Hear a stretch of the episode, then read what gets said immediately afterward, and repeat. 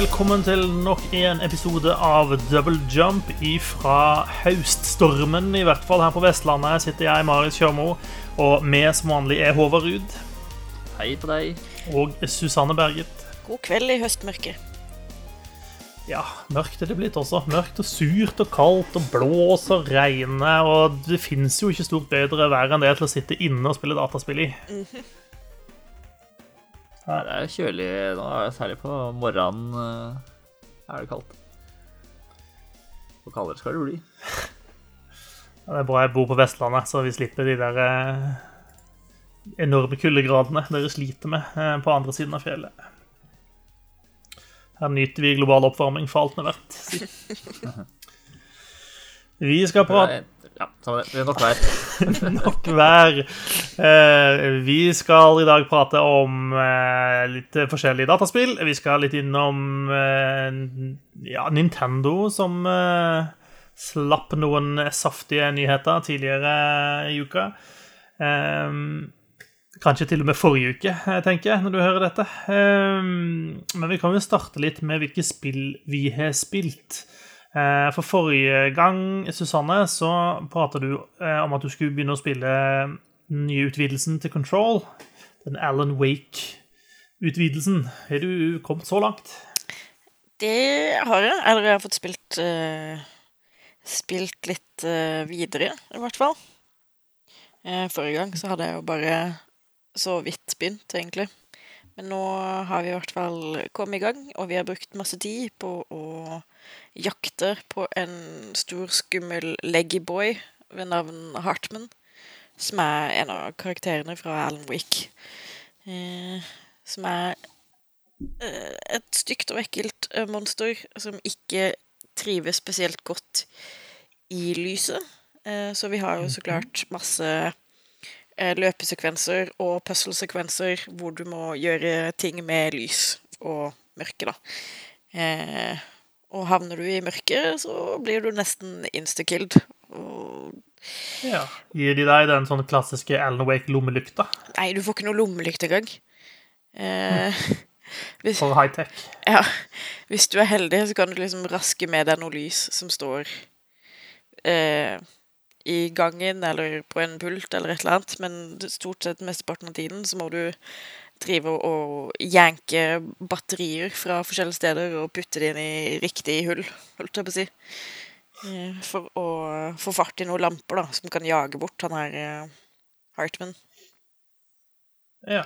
Eh, og det er jævlig stressende og jævlig skummelt. Eh, akkurat sånn eh, som Control skal være. Og så har du jo selvfølgelig problemet med the hiss i tillegg, da, som du må drive og deale med. Så, så så langt så er det det er, mer, det er mer kontroll, på en måte. Det er fortsatt like gøy. Eh, eh, fortsatt eh, like tilfredsstillende å blaste folk i trynet med masse liksom, kontormøbler. Og Ja. pepre de fulle av alskens kuler. Så det er blitt lite av det i eh, hjemmekontortida, syns jeg. Mm. Kaste kontorrekvisitter på folk. Ja, det kunne godt vært mer av det. Eh, eh, spesielt nå som alle har hjemmekontor. Det er liksom Å gjøre noe for å underholde seg selv, tenker jeg. Ja, det er sant. Slå deg sjøl i ansiktet med en eh, stiftemaskin. Så altså. det god stemning. Lev litt farlig. Ha litt uh... Løp med saksa i hånda. Yes, det er ingen som kan stoppe deg. Nei. Ingen HMS-regler på hjemmekontor. Ingen HR-ansvarlig som kan komme og gi deg kjeft. Nei, men altså eh, Ja. eh, Det er mer Det er mer control, rett og slett. Eh, Liker du hovedspiller, kommer du til å like utvidelsen også. Det er litt, litt glitchy og litt buggy, akkurat som hovedspillet, men det er jo en del av skjermen. Eh, Eneste buggen som har irritert meg så langt, er at vi ikke ser ut til å få flere ability points. Eh, Som er litt, litt irriterende. Eh, Er, det faktisk en bug, eller er det ment å være sånn? Jeg vet ikke.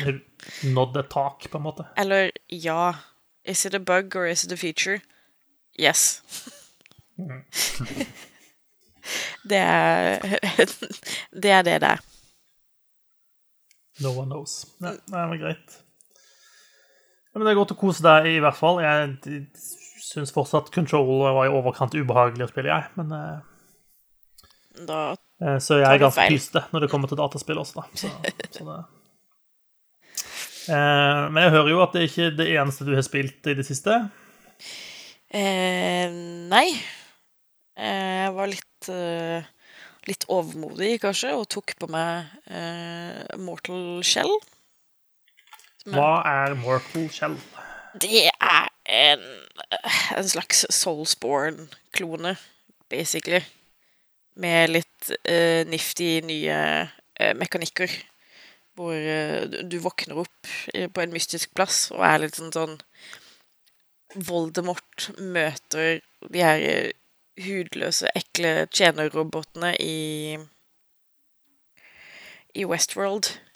Eh, og så dasser du rundt eh, naken og skal banke opp noen folk, men du vet ikke hvorfor, og så finner du plutselig et lik, og så kryper du inn i det liket, og så er du en slags meat puppet.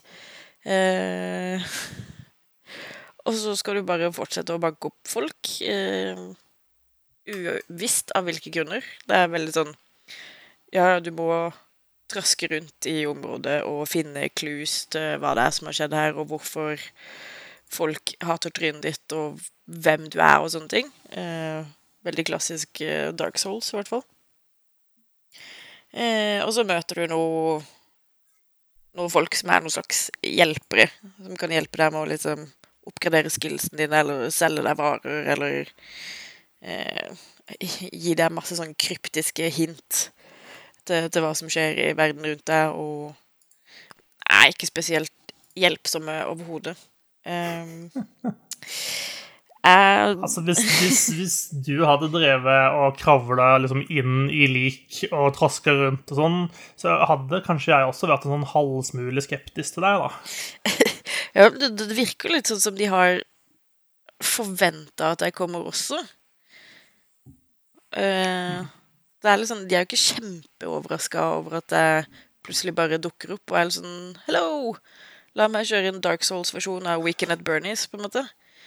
Eh, minus alle kompisene, fordi alle som bor i akkurat dette området, hater trynet mitt av grunner jeg ikke ikke skjønner. Kanskje jeg har fornærma mødrene deres. eh, Kanskje jeg har stjålet liksom, hjemmebrenten de sin. Who knows? Eh, De angriper så fort de ser meg. Eh, De er veldig aggressive. Eh, Og er overraskende De gjør overraskende mye skade på meg, som er kledd i liksom full plate armor og har et, en sveihander, liksom. Eh, mens de tasser rundt i lendekleder og denger løs på meg med en klubbe. Eh, Ja. jeg syns, eh, jeg syns kanskje det er litt lite troverdig. Det er det du reagerer på i dette spillet? Yes. ja. Det er sånn Division-logikk. Hvor Five-O, bare fordi han har eh, hette på seg fra hettejakka si, så er han udødelig. Nei, men det er, det er veldig Det minner ekstremt mye om Dark Souls, så jeg liker ikke spillet i det hele tatt.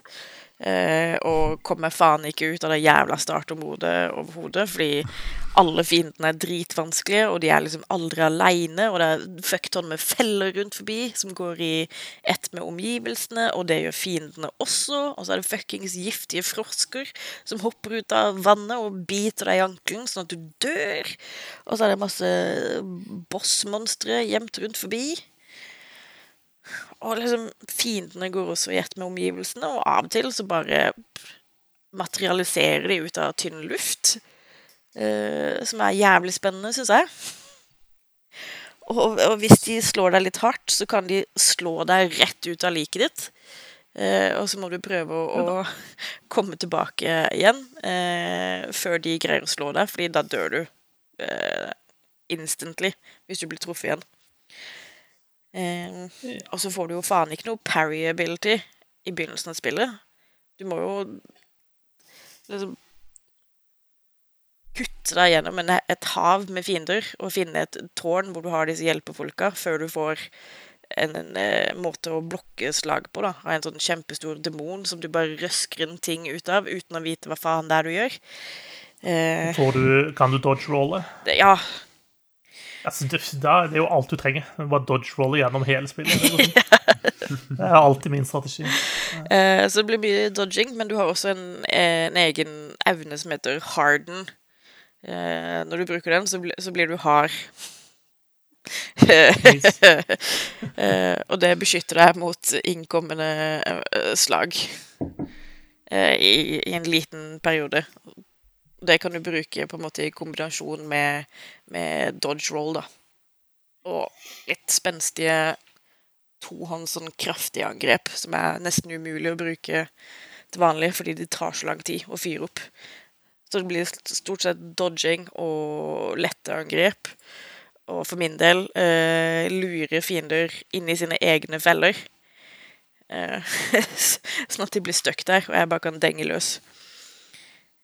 Ehm, ja, altså Foreløpig så vet jeg ikke hvorfor jeg gjør, gjør det jeg gjør.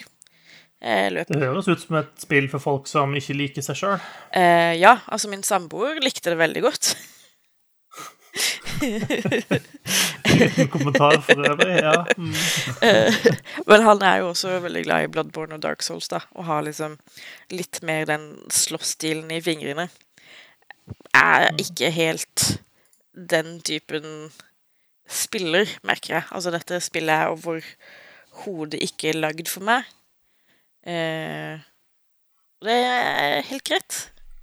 Eh, jeg trenger ikke like det. det. Jeg kan bare ha det så bra.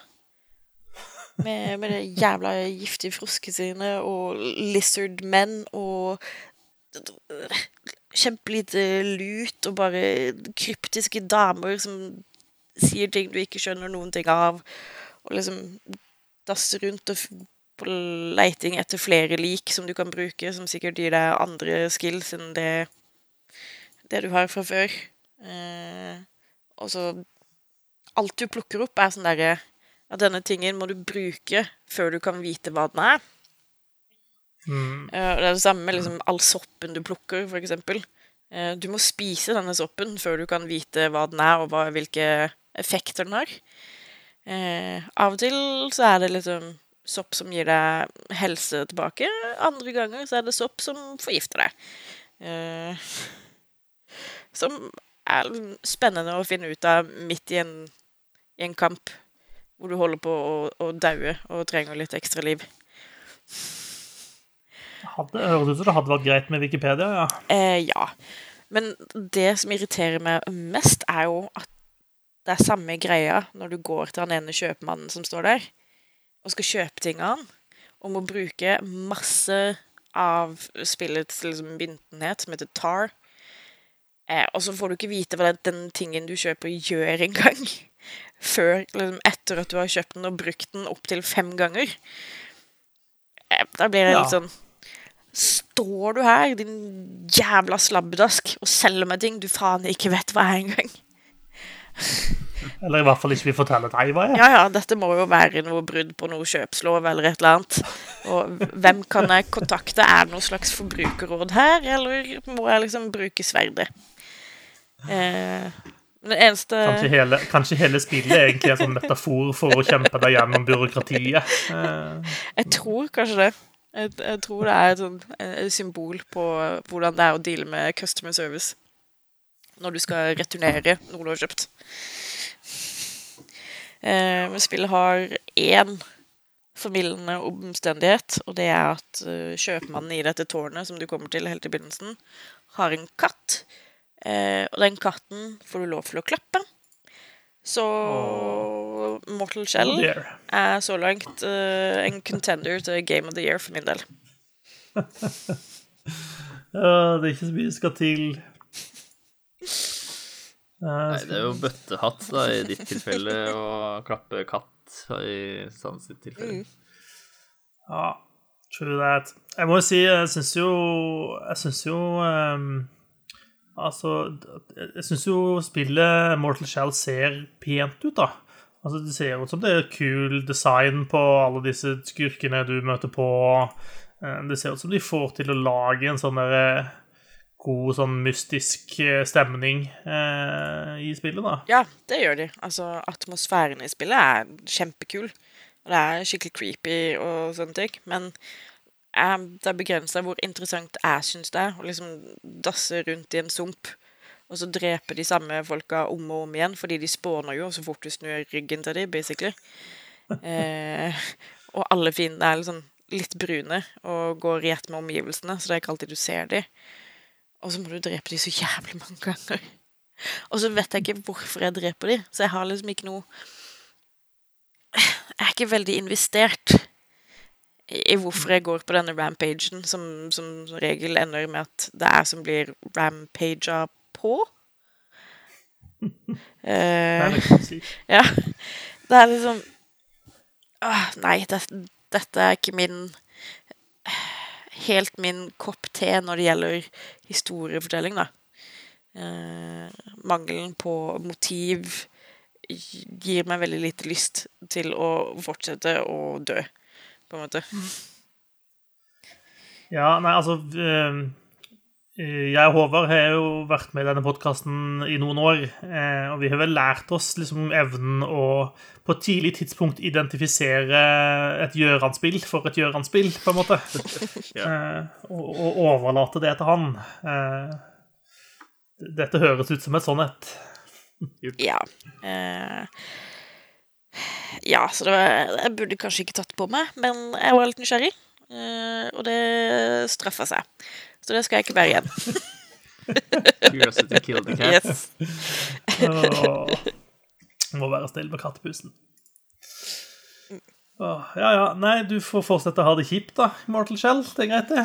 Ja, nei, jeg hadde overlatt det spillet til Odd Karsten. Han får faen meg ture rundt i det som jeg vil. Så kan jeg spille Spirit Fair. Ja, har du spilt noe annet eh, enn Mortal Shell? Da er det Spirit Fair det går i. Ja, det er stort sett Spirit Fair det går i. Det, du er fortsatt glad i det spillet, selv om du må si ha det til folk i det. Ja, det er så jævlig kos. Mm. Veldig trivelig, eh, selv om det også er litt trist. Ja, men det er godt å høre. Eh, hva med deg da, Håvard? Eh, jeg har jo fått eh, spille eh, Kanskje det mest etterlengta spillet i 2020. Cyberpunk 2077? Uh, nei, nei, nei, nei, nei. Tony Hawks Pro Skater 1 pluss 2. Ah, de gamle, de gamle skatingspillene som kom ut liksom på slutten av 90-tallet og begynnelsen av 2000-tallet. De spillene, tenker du? Ja, de er jo blitt remaka nå, eh, og sånn kort fortalt så har vi omsider fått et Tony Hawk-spill eh, som føles som et Tony Hawk-spill igjen. Det er jo Eh. fordi det er et gammelt spill. Det er jo dette som var følelsen av Tony Hawk, er det ikke det? Jo, jo, jo. Uh, de har naila den følelsen uh, Ja, nesten 100% Det er uh, Det føles helt, helt riktig å spille eh, Tony Hawks Pro Skater eh, 1 pluss 2. Ja, men det er jo bra. Um, her er det sånn den tighte kontrollen, det er tempoet, det er sånn akkurat passe urealistisk. Uh, For det tempoet, det er ikke veldig realistisk. Men det gjør meg gøy. ja, det er supergøy, og de har remaka hele eneren, hele toeren. Eh, tatt med alle de gamle spillbare karakterene, lagt til noen nye. Det har kommet noen nye Nye Hva heter det? Eh, Talenter i, i skaterverden siden år, år 2000. Sønnen til Tony Hawk, blant annet. Riley. Eh, De lager de sjøl, ja. ja. Lizzie Armanto, som eh, dukker opp eh, til stadighet i Tony Hawk sine videoer på sosiale medier, blant annet. Eh, de har også tatt med lydsporet, som mange mener eh, var perfekt i år 2000. Med det er Millencolin, Rage Against the Machine, Goldfinger um, Ja, så, mye, da, så mye bra, spesielt i Tony Oktober i hvert fall. Ja, ja, det er, det er helt nydelig. Alt Alt er kjempebra. Um, det De har jo fått uh, Vicarious Visions til å kjøre denne, gjøre denne remaken. Uh, Robomodo, som var Som utvikla Tony Hawk-spill uh, Når var det de begynte, da? Slutten av 2000-tallet, tenker jeg. Uh, det var de som lagde de derre Ride og Shred, eller hva det het for noe. Mm. Uh, husker ikke hvilken rekkefølge de kom i, men det som kom det andre, ble solgt ut 3000 kopier på, på verdensbasis, liksom. Det var sånn bevegelseskontroll som sto på en sånn liksom skateboard i stua di og skulle lene deg fram og tilbake og yeah. Jeg tror det De to spillene til sammen solgte ikke 150 000 engang, liksom. Nei. Um, så har de jo prøvd før, da, eh, å liksom gå tilbake til røttene med Pro Skater HD i sånn 2012. Um, det, var sånn, det var noe som lugga litt. Jeg tror de hadde eh, De skulle gjøre en remake, men så skulle de gjøre det litt eh, nytt også. Så de jeg mener å huske det var noe rart med fysikken der. eh, Sånn, det var ikke den det man var vant til da når man skulle spille et sånn godt gammeldags Tony Hawk-spill. Um, så det funka bare sånn passelig. Så prøvde de jo å ta Pro Skater 5 noen år senere. Det gikk, eh, ble bare sånn middels mottatt. Eh, Så Robomodo gikk jo dukken de året etter. Um, og det er, sånn, det er veldig synd. Mennesker som mister jobben sin eh, og sånn. Men hell i uhell så har jo det ført til at Vicarious Visions har fått muligheten og klart det Robomodo ikke aldri klarte, da. Eh, som var å lage et Tony Hawk-spill som føles som et Tony Hawk-spill. Um, og det er jo ikke første gangen Vicarious Visions gjør en remake uh, Lager en god remake. Det var de som lagde den Crash Bandicut-remaken forleden for uh, mange år siden, begynner det å bli nå. To-tre? Ja, må bli noe sånt nå. Ja. Så de, de har sånn forst- Det virker som de har forståelse, da. Når de skal remake en gammel klassiker, så eh, må man liksom gå tilbake og se på hva var det som gjorde disse, spillene bra, og så videreføre det. Det. Det har de gjort. Så har de fresha opp grafikk og sånn, og animasjoner og sånn, selvfølgelig. Jeg kan si at grafikken er ikke blå smakka banen, akkurat. Ikke på min uh, PlayStation 4, i hvert fall.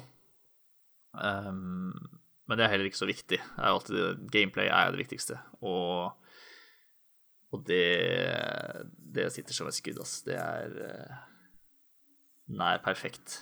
Um, så har vi lagt til noe sånn rart sånn progresjonssystem som ligger litt sånn i bakgrunnen. sånn at du når du gjennomfører en runde, så får du XP, og så er det utfordringer eh, som kan være sånn Gjør en 900 eh, Gjør en kombo som består av én grind, én flip og ett grab-triks, eksempel.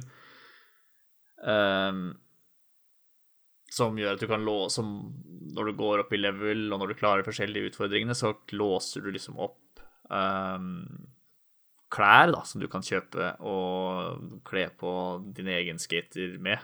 Um, som jeg syns er sånn Det er egentlig mest forstyrrende, uh, men sikkert lagt til som et sånn For at folk skal holde uh, interessen oppe, da.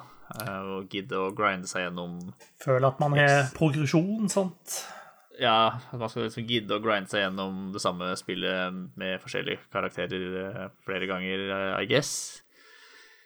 Um, I originalene så låste du opp slike ting mens du, mens du spilte. Eller låste ikke opp klær og sånn customized ting, men du låste opp nye skatere, nye brett um, og sånne ting.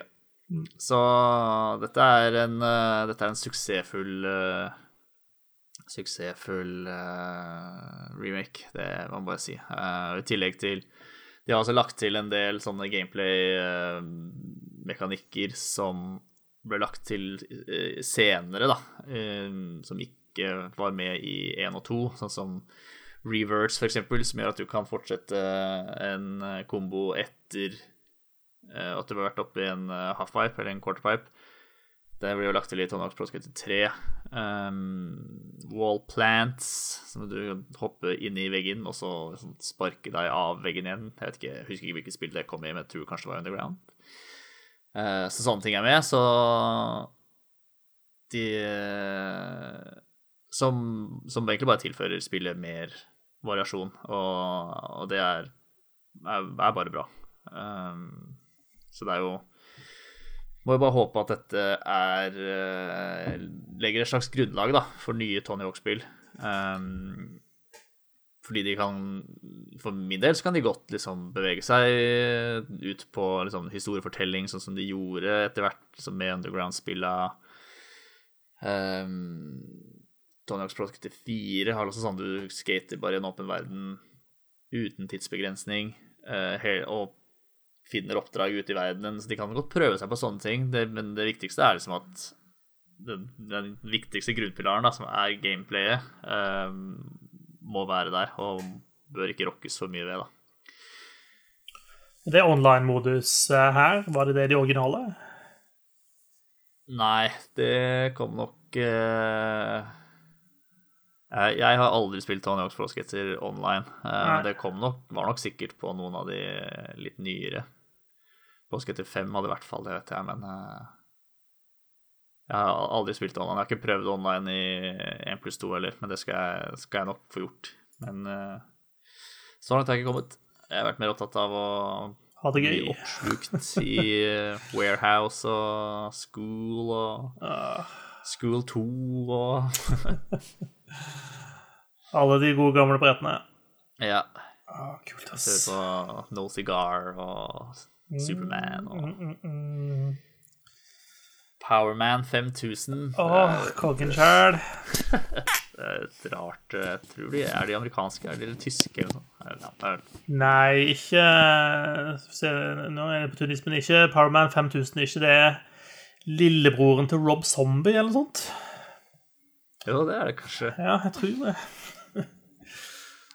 Ja. Et uh, morsomt band, i hvert fall. Den uh, When Worlds Collide, som sangen den som er med i Tony Hawk's Pro Skater 2 Yeah. og i denne remaken, er, den er ganske, ganske kul. Altså, de lærte noe i løpet av de Tony Hawk-spillene der uh, det med å ha kule soundtracks. EA hadde i mange år skikkelig masse kule soundtrack på spill. Det var ikke alltid spillene var like kule, men det var i hvert fall fet musikk du hørte på. Ja. Uh, mens du kjørte bil eller spilte fotball eller hva det nå enn var du gjorde. Ja. ja det, er, det soundtracket er, det er kult, ass. Det tar deg tilbake. Den introvideoen også, som mm. Da nevnte jeg vel Jeg har vel snakka om demofiaskoen som aldri starta opp tidligere. Men vi bare fikk sett den introvideoen som bare gira meg opp noe jævlig, fordi ja, det bare er sjukt kul. Uh, og minte meg om liksom, hvorfor jeg plukka opp et skateboard en gang i tida sjøl. Um, mens liksom Gorilla Radio fra Rage Against Machine uh, dundrer på. Det er, er det er, den der påvirkninga Tony Hawks Pro Skater, særlig to, hadde på samfunnet, eller i hvert fall en uh, generasjon, da, og er uh, oppsiktsvekkende, nesten. Uh, ja, altså nå ble det aldri noe skreiter av meg, da, men uh, det hadde definitivt en stor innflytelse på min musikksmak mm. til den dag i dag, liksom. Så. Ja.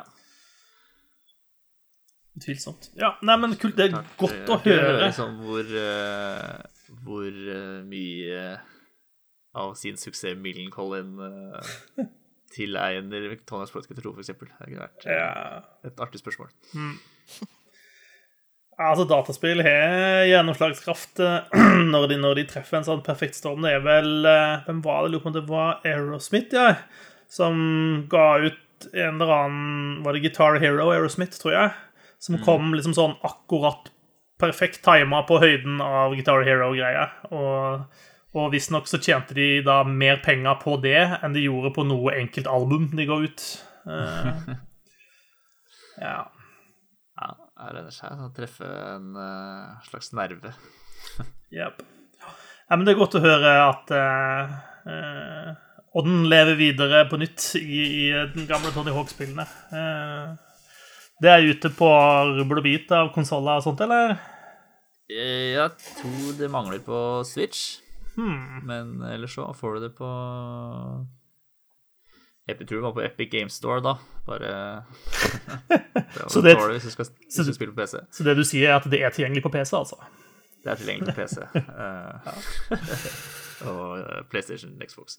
Ja, ja men det var, eh, det var vel noe med Jeg minner på du nevnte et eller annet om at det var, det var en voksen installasjonsstørrelse på det. Og det kan jo potensielt være en utfordring på Switch. Ja, altså, det var Ja, dette er jo Det sto at installasjonen var snaut 30 gigabyte eller noe sånt, som ikke er urimelig for et spill i 2020. nei. Eh, Men det jævla PlayStation 4-systemet krevde jo at, eh, at jeg sletta Jeg måtte rydde 100 gigabyte. Eller 70 måtte jeg rydde. Og jeg hadde 70 da jeg prøvde å laste ned første gangen. Så jeg måtte slette Fifa, jeg måtte slette Skater Excel. Um, det Jeg er så jævlig ferdig med PlayStation 4. Det er et elendig system. Det er dritbra spill, kjempegode spill, men systemet det skal du få billig av meg, ass. Ja, så spørs Så det om det er så veldig annerledes, det som kommer på femmeren, da. Jeg er jo litt redd, da, for at det bare er samme møkka. Eh, Men uh, spilla frister, da. Ja. Det er sånn det er. Nei, men bra. Eh, Har du spilt noe annet? Jeg ser du spiller litt eh, World of Warcraft, i hvert fall. Ja, jeg rakk eh, litt Kjørte en liten stream her før, eh, før innspilling. Jobber meg mot jobber, Eller fortsetter ferden, da. Jeg ble 28, level 28, tror jeg, så nå er det 90, noen 90 leveler igjen. Til 120. Ja. Så følg med. Er det fortsatt artig. Ja Oi. Ja, eller, nå sist så spilte jeg eh, healer i Jorden Jorunit Dungeons, eh, og det var ikke svart i. Jeg satt jo bare trykka på den samme knappen og spamma en sånn healespill. Ja. Så det var eh, ikke så gøy. Um, det er nok mer morsommere, mye morsommere å gjøre, gjøre skade. Ja, ja. Nei, men den er god. Den er god. Sjæl har jeg spilt eh, Crusader Kings 3 eh, i det siste. Eh, det er det nye strategispillet til Paradox. Eh, og eh, Crusader Kings 2 ble jo kanskje litt overraskende kjempepopulært. Eh, og har jo hatt en appell som går egentlig langt utenfor de sånn vanlige strategipublikummet, da. Eh, og det er egentlig i stor grad fordi at eh, altså sp Spillet kan ved sånn i første øyekast se ut som et klassisk strategispill, så det handler om å ta over verden og, og drepe dine naboer og sånt. Eh, og du kan gjøre de tingene, men du trenger ikke gjøre de i det hele tatt. For egentlig så er det bare digert såpeoperasimulator, eh, er det det egentlig er. Um, Det er det jeg har fordi hørt. det er Ja, for det er nettopp det. Det er et spill som ikke egentlig handler om eh, si, nasjoner eller eh, kulturer, men det handler om personer. Eh, og du, du spiller én person, eh, og etter hvert, når den personen stryker med, da, så vil du kunne spille arvingen dens. Eh, men du, du lager deg liksom dynastier. Eh, og så har du mange verktøy til å påvirke eh, hvordan du og alle de andre personene på en måte i dette spillet interagerer med hverandre. Og Du kan selvfølgelig sette deg som mål å være en erobrer og skal ut og ta områdene til andre, men du kan også drite i det. Du kan helt fint starte spillet som en eh, ja, eh, så å si, eh, ordfører i en liten by eh, som er underlagt en eller annen konge et eller annet sted som du aldri har møtt før. Eh, Og du kan spille i timevis sånn som det. Det går helt fint. Du kan ha det kjempegøy. Eh, så kan du drive med litt sånn politisk scheming. Du, kan, du får deg kanskje nemesis, og han har du kanskje lyst til å ta livet av på et eller annet vis. Eh, kanskje har du, ikke, har du ikke lyst til å ta livet av, men kanskje har du, kanskje du lyst til å ligge med kona hans isteden, f.eks. Det er jo en fin måte å, å, å sende en melding til noen du ikke liker. Eh, eller kanskje du kan prøve å arrestere en av kidsa hans og sette de i fengsel. Og gjøre ugreie ting med ungene deres der. Uh, det er masse sånne ting du kan gjøre, og det er veldig gøy. Uh, og hvis du bare har lyst til å være en, en hyggelig uh, fyr som går på jakt og inviterer vennene sine på selskap og sånne ting, så kan du også gjøre det. du må ikke være kjip og slem heller. eller du kan være en sånn episk kvinnebedårer som reiser land og strand rundt og gjør det du gjør best, på en måte. Eh, Crusader Kings 3 um, ehm, hadde ganske mye bagasje fra, fra, Crusader Kings 2 som de har rydda veldig mye i. Um, Crusader Kings 2, etter mange år med nedlastbart innhold og større utvidelser, uh, var ganske sånn bogged down i features. Uh, sånn at det var På slutten så vil jeg si det var så godt som mulig for en person som ikke hadde spilt spillet før, å komme inn i det, fordi det var så mye og masse forskjellige ting. Um, Crusader Kings 3 har de på en måte prøvd å koke ned essensen av liksom de viktigste tingene og de kjekkeste tingene, uh, og valgt å fokusere på de. Uh, og de har nok også lært ganske mye eh, knytta til dette som går på UI. hvordan presentere informasjon, og hvordan gjøre ting enklest mulig å forstå. Um, sånn at Crusader Kings 3 beholder på en måte den Eh, altså, det er ikke et dumma ned-spill på noen som helst måte, eh, men det er mye mer oversiktlig spill. Eh, og jeg vil tro at det er mye greiere for noen å komme inn i dette spillet som, som ikke har spilt det før, da, enn det Crusader Kings 2 var. Eh, så skal det jo også sies da at etter å ha, spilt det spillet med alle utvidelsene i mange år, så, så, kan man jo sitte med en litt sånn følelse av at, uh, av at det mangler noe her, da. Eh, det var masse ting som ikke med før, som ikke er med i dette spillet. Eh, og, og, det er klart, svaret på det er jo bare være tålmodig. Det kommer nok. Eh, er det én ting Paradox er flink til, så er det jo å gi ut utvidelser og tjene masse, masse penger på det. Så det trenger du ikke være bekymra for. Ting kommer. Det, det, er de jævlig flinke til òg. Jeg syns de slipper veldig mange store, altså skikkelig svære spill ganske hyppig? Hvor mange er det som jobber der, egentlig? Ja, altså Par Paradox er jo både en spillutgiver og en spillutvikler. Eh, mm. Så det er jo ikke alle spillene som de har lagd sjøl. Okay. men de har jo også blitt store nok til at de også har begynt å investere. Sånn at der de før hadde bare liksom sitt eget Paradox Game Studio, og så ga de ut noen andre, så har de jo nå også begynt å kjøpe andre utviklerstudioer i tillegg, eh, ja. som, som, som, er under nå deres paraply. da. Eh, så jeg har ikke en sånn full oversikt over eh, akkurat hvilke firmaer som er eid av de, og hvilke som ikke er det. og sånt. Men, men, at de har begynt å bli ganske svære, ja, det, det, det har de.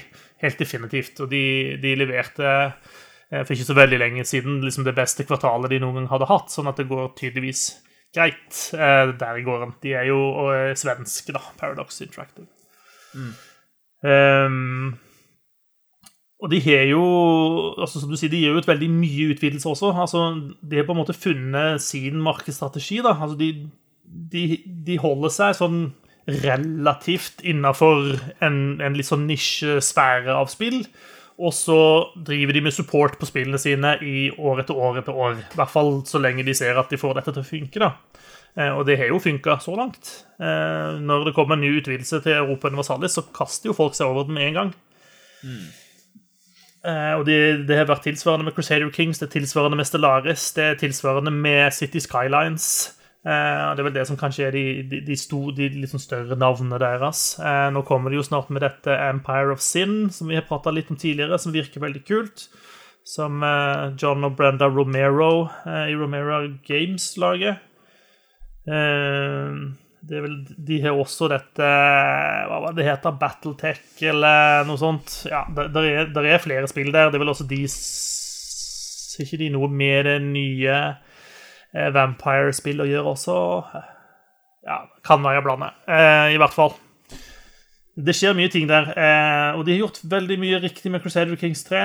Eh, der er det bøttevis med timer med underholdning eh, for eh, de som liker strategispill, og de som liker The Sims. Så er det mye gøy å finne i det spillet, rett og slett. Mm. så det anbefales eh, sterkt. Eh, det er tilgjengelig hvor som helst, altså på PC, eh, men det er også i eh, GamePass. Så hvis du har det, så er det bare å laste det ned og teste det ut. Og utenom det så har jeg fortsatt å spille litt Wasteland 3, da. Det prata vi jo en del om forrige sending, så jeg skal ikke si så mye om det, men jeg har liksom lyst til å slenge inn at eh, Jeg syns de gjør en god jobb i å ta meg litt på senga eh, i det spillet. Eh, I mye større grad enn enn i Wasteland 2. Eh, det dukker opp nye, rare, sære ting eh, som jeg ikke forventa, eh, og det er ganske gøy. Eh, jeg streama litt grann nå i helga, og jeg får et oppdrag der jeg skal reise til en basar, som av en eller annen grunn heter The Bizarre. Eh, så jeg kjører liksom dit, da. Eh, og liksom uten noen egentlig god forklaring, sånn innledningsvis i hvert fall, eh, så er altså dette da en supereksklusiv shoppingsenter som er drevet av noen som kaller seg The Monster Army. Der alle er kledd ut som sånne gamle monstre. Frankenstein og liksom varulver og sånne ting. Eh, Og det leder av en ganske tjukk fyr som driver og prater med sånn tøysete sånn eh, Dracula-stemme. Eh, så bare gir ingen mening i det hele tatt. Det, men det er veldig artig, eh, fordi de, de, de gjør det på en så, eh, en så over the top måte at det blir ganske festlig. Og det første som skjer når du liksom kommer inn i dette kjøpesenteret, er at det kommer løpende inn en gris med et dynamittbelte som så eksploderer. Eh, og du skjønte jo etter hvert at det var jo ikke meningen at det skulle skje. eh, Og det viser seg at ja, de har vært plagd med dette en stund, med at disse grisene med dynamittbeltene kommer inn og sprenger seg på dem. Ja, det var fint om du kunne kikke litt på det. Det er sånn Dette det er så rart. Eh, jeg syns det er veldig gøy. Det er også et veldig Det er åpenbart et veldig voksenspill. da. Det er veldig 18 pluss, dette spillet. Eh, de tøyser veldig mye med folk som dør og på grusomme måter, og seksuelle undertoner og eh, eh, in, incest, eh, hinting, og det er ikke måte på. Eh, så det er liksom eh, Det er et spill for voksne folk, helt utvilsomt, eh, og det er litt forfriskende av og til, det også, eh, syns jeg. Så ja, nei eh, Godt inntrykk av Wasteland 3. altså. Jeg kommer til å fortsette å dure videre på det. For det, det dukker opp sånne artige ting der hele tida. Selv om det, eh, det Det kan være ganske røft og ganske sånn punishing i kampene. Det er litt sånn, Kommer du, kommer du dårlig ut fra starten av, så bare ruller snøballen videre, og du får ordentlig svi. Eh, og jeg spiller på relativt enkel vanskelighetsgrad, men eh, det skulle man ikke tro, for å si det sånn. ja. Men yes, det er moro. Eh, jeg lurer på om vi skal ta litt spillnyheter, kanskje. Eh, For eh, Nintendo de skal feire at verdens mest kjente rørlegger fyller 35 år. Stemmer ikke det? Yep. Eh, og i den anledning så har de bestemt seg for å slå ordentlig på stortromma og gi ut både det ene og det andre. Eh, du gikk bonkers i chatten vår her, eh, Håvard. Hva, hva var det som fikk deg til å miste besinnelsen sånn? Det, var Super Mario 3D All Stars. en samlepakke med Super Mario 64, Super Mario Sunshine og Super Mario Galaxy til Nintendo Switch. Og det er bare en ukes tid unna. Kommer 18.9. Og dette er oppussa versjoner, eller? Nei Den er de er vel bare optimalisert for Switch. eh, og får sånn 16-9-format. Uh, Super Mario 64 og Super Mario Sunshine uh, har jo egentlig ikke de. Um, så de er liksom nok bare litt modernisert. Uh, ellers så tror jeg ikke de har rørt uh, grafikken liksom utover at det blir litt uh, høyere oppløsning. Så dette er egentlig bare Nintendo som gjør det Nintendo pleier å gjøre. Se her, ja. her har du en god grunn til å kjøpe det spillet du allerede har kjøpt tidligere. Ja. ja. Og det er vi kjempefornøyd med. Jeg, jeg er kjempefornøyd med det. ja. lenge siden jeg har spilt særlig Galaxy, gleder jeg meg til å spille. De Super 64 har jeg spilt eh, såpass mye og relativt nylig, og Super Sunshine eh, er jo kanskje det desidert svakeste 3D Mario-spillet. Um,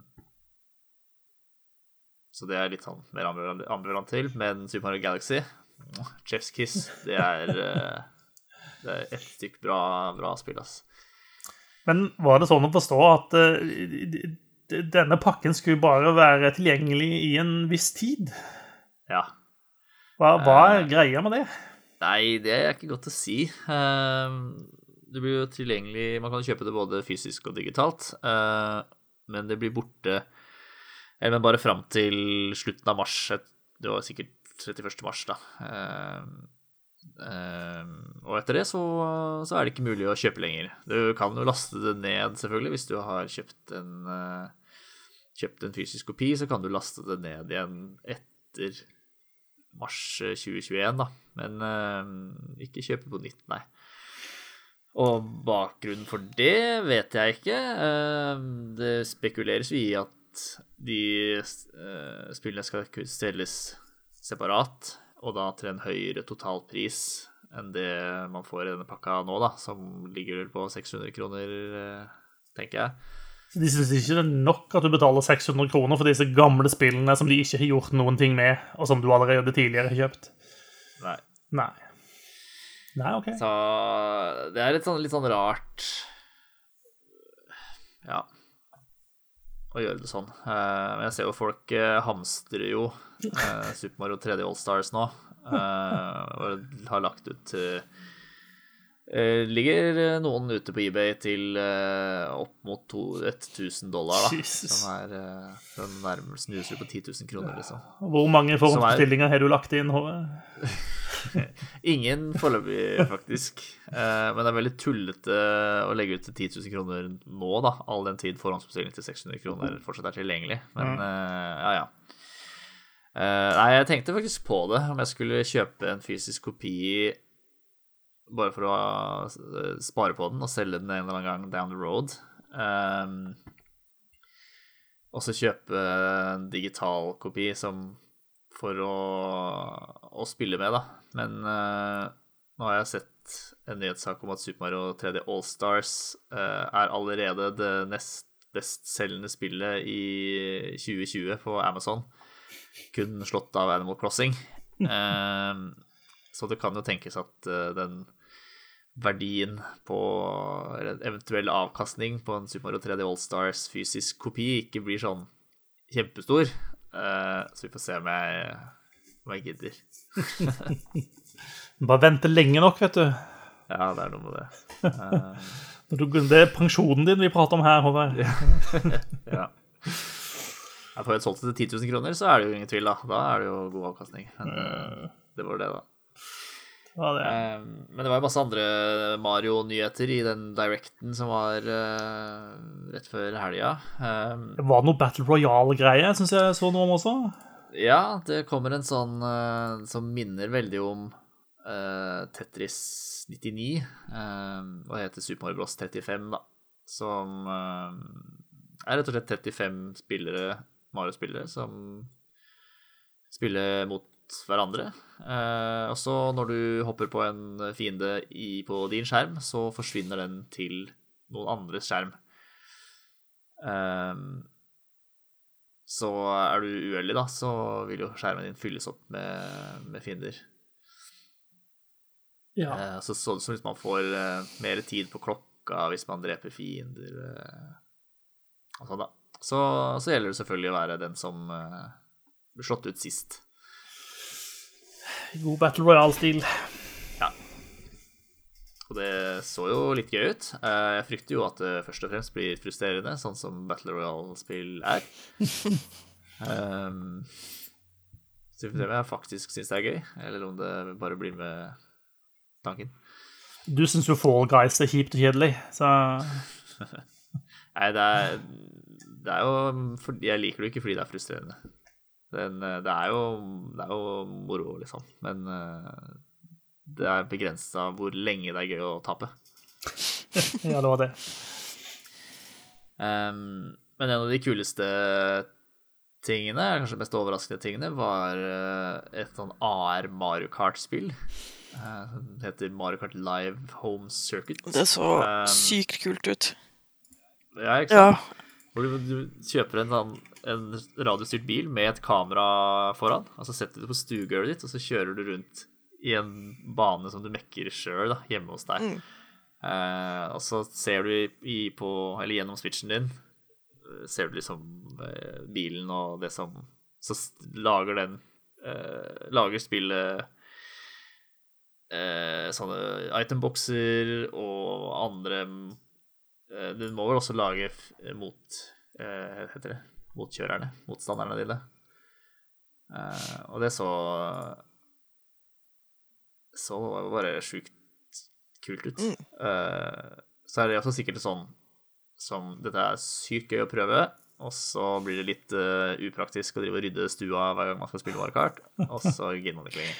Ja, og har du, Ja, men- har du kjæledyr, så kommer du jo til å miste, miste banen rimelig fort, ser jeg for meg. Ja, det er Og bilen, for så vidt. Så, men, Men sånn, teknologien og ideen er kjempe, kjempekul. tenk dere hvor mange Altså, internett kommer jo til å bli oversvømt av videoer med folk som lager de mer sånn elleville greiene, da. Ja, det blir kult. Det blir gøy å se hva andre gjør med det, men uh, jeg tror, jeg, det, jeg tror kanskje ikke jeg kommer til å Kommer til å ja, rive i en sånn uh, uten videre. Jeg tipper jo de bilene blir ganske dyre. Ja, det, det vil jeg tro. Ah, Nei, det ser skikkelig stilig ut, altså. Det, det, bare gå inn på internettet og, og sjekke ut den videoen av det, fordi det ser, det ser så tøysete og gøy ut. Ja. Det, det er dette The Rich Kids kommer til å ha, for å si det sånn. Og så kom det, ble det annonsert at Super Mario 3D World kommer til Switch, og får en utvidelse som heter Bowsers Fury, eh, som man vet veldig lite om, uten at det så mørkt ut sammenligna med resten av Super Mario 3D World. Ja. Super Mario 3D World er jo det med den kattedrakta fra til Wii U. Riktig. Ja, det høres ut som det er å feire bursdagen til Mario med stil, dette, da. Ja. eh, hvis ikke min hukommelse spiller meg et puss nå, så fyller vel eh, The Legend of Zelda 35 år neste år. Så det burde jo ligge til rette for eh, litt eh, inntjening for Nintendo der også. Det burde jo feires med, med måte. Og på noen re, remasters eh, av noen gode Zelda-spill på Switch. Det hadde gjort seg. En god grunn til å selge noe gammelt ræl om igjen, det. Nei da, jo da. Forsiktig hva vi kaller hvordan vi omtaler Zelda-spill her. Uh, nei da. Ocarina of Time var OK, det. Ja, helt ok. 99 på Metacritic. Uh, yeah, yeah, yeah. Jeg likte det spillet, jeg. Skal ikke si noe på det. Uh, in other news uh, Noe annet som er populært Og ja, Det er vel kanskje ikke 35 år gammelt, men det er jaggu meg gammelt, det også. Microsoft Flight Simulator. Det er faktisk eldre. Det er faktisk 38 år gammelt er det blitt. Jesus. Så, så der har du den. Yes. Eh, og eh, årets versjon eh, er den definitivt største launchen som den serien noen gang har hatt. Det har rett og slett vært kjempepopulært. Og det er den største launchen på et PC-spill via Xbox Game Pass. har Microsoft sagt. Og de sier at over én million unike spillere har funnet veien inn i det som i veldig mange år var regna som et ekstremt nisjespill, om i det hele tatt et spill. Men det er jo ikke noe bedre tidspunkt å, å slippe en flysimulator på enn under en, en pandemi hvor alle er stuck inne. oh, du får ikke du, du, kan ikke lenger fly, så da, da må du få ut de, reisebehovet ditt uh, digitalt. Ja. Ja. du kan være inne på noe der. Eh, og så er det nok også noe med at eh, man kobler eh, spillet til tilgjengelige kartdata. Mm. Eh, sånn at du kan fly litt sånn hvor du vil i verden, da. Eh, altså, jeg kjenner jo folk som har brukt masse tid i dette spillet nå på å fly rundt forbi Norge. Lande på masse små flyplasser. Det er jo, en, det er jo så mange flyplasser i Norge at du aner det jo ikke engang. Eh, men eh, å fly rundt og, og synes det er kjempeartig å fly fra Tromsø til Avaldsnes, liksom. Eh, jeg, skal, jeg har ikke helt skjønt uh, fascinasjonen, men jeg registrerer at dette er noe som veldig mange syns er fryktelig gøy.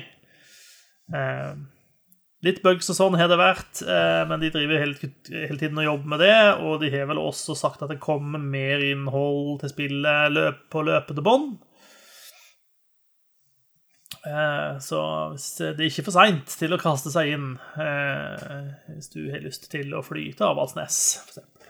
En uh, annen trend da, er jo sterkt å finne en huset til ekskjærester som man har et, en torn i sida til å krasje flyet deres. oh, nei! Oh, selvfølgelig er det det. Altså, ja, ja, okay. hvis du skal hevne, hevne deg på noe vis, så er jo det kanskje den mest harmløse måten å gjøre det på. ja, både, både ja og nei. Ja. Hvis du får ut frustrasjonen uh, på den måten, så er jo det uh, Gjør det. Gjør det sånn. Mm. Ja. Det er bedre enn å gjøre det med et ordentlig fly, i hvert fall. Det skal jeg være med på. Uh, nå ble jeg litt satt ut. OK. Um, Ubisoft har vært ute med noen infoskriv som går ganske langt i å hevde at PlayStation 5 ikke vil støtte spill som tidligere er gitt ut på PlayStation, PlayStation 2 og PlayStation 3. Det vil kun være bakoverkompatibelt med PlayStation 4. Ehm, det er ikke gitt at det er egentlig er en stor overraskelse. Sony har aldri lovt at spillet skal være, at eh, konsollen skal være bakoverkompatibel med alle de gamle konsollene. Um, men det er jo litt dumt likevel. Er det ikke? Det er bare jeg som syns det er dumt. Ja. Så Sony ikke kan uh, selge deg de samme spillene som du har kjøpt tre ganger før uh, og sånn? Ja, det er, jo, det, er jo det, som, det er jo sånn det blir, da. men, men, men, dette regner jeg med tekniske forklaringer, for all del. Ja.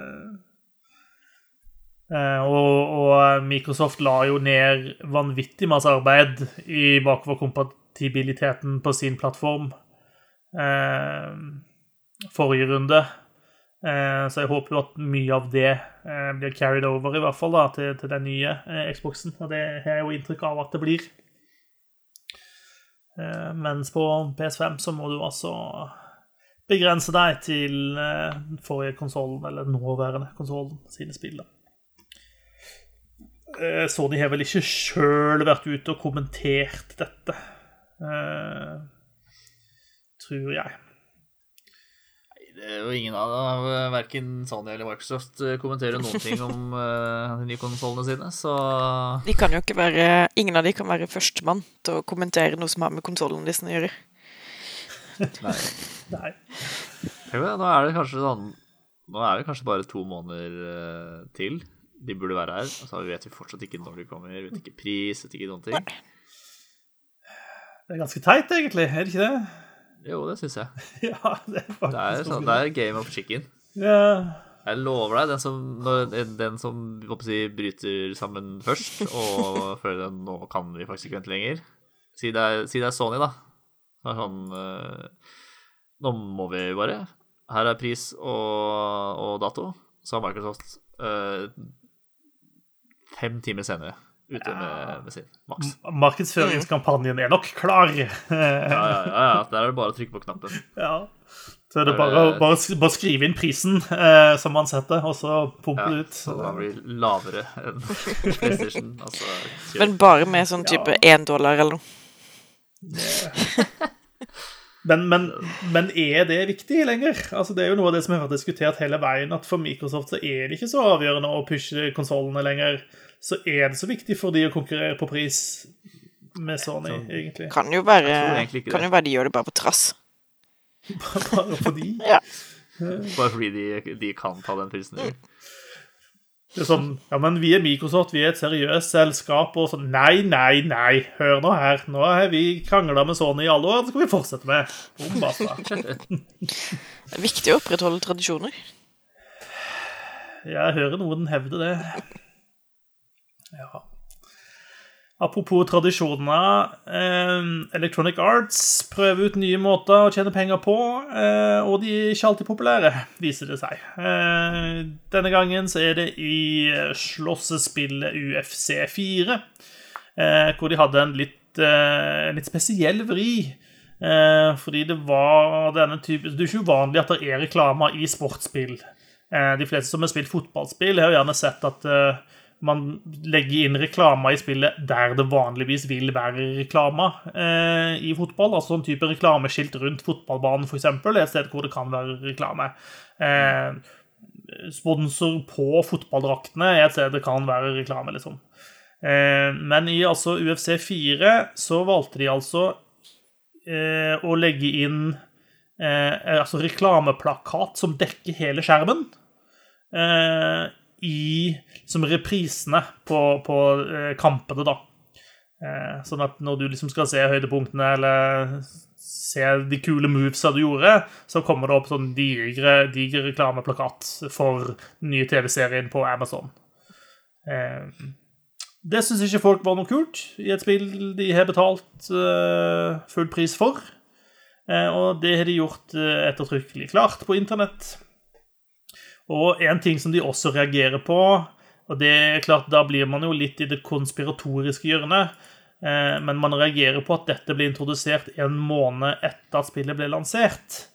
Eh, noen mener jo at dette ble gjort spesifikt, at man venta med det spesifikt for at det ikke skulle påvirke anmeldelsen av spillet.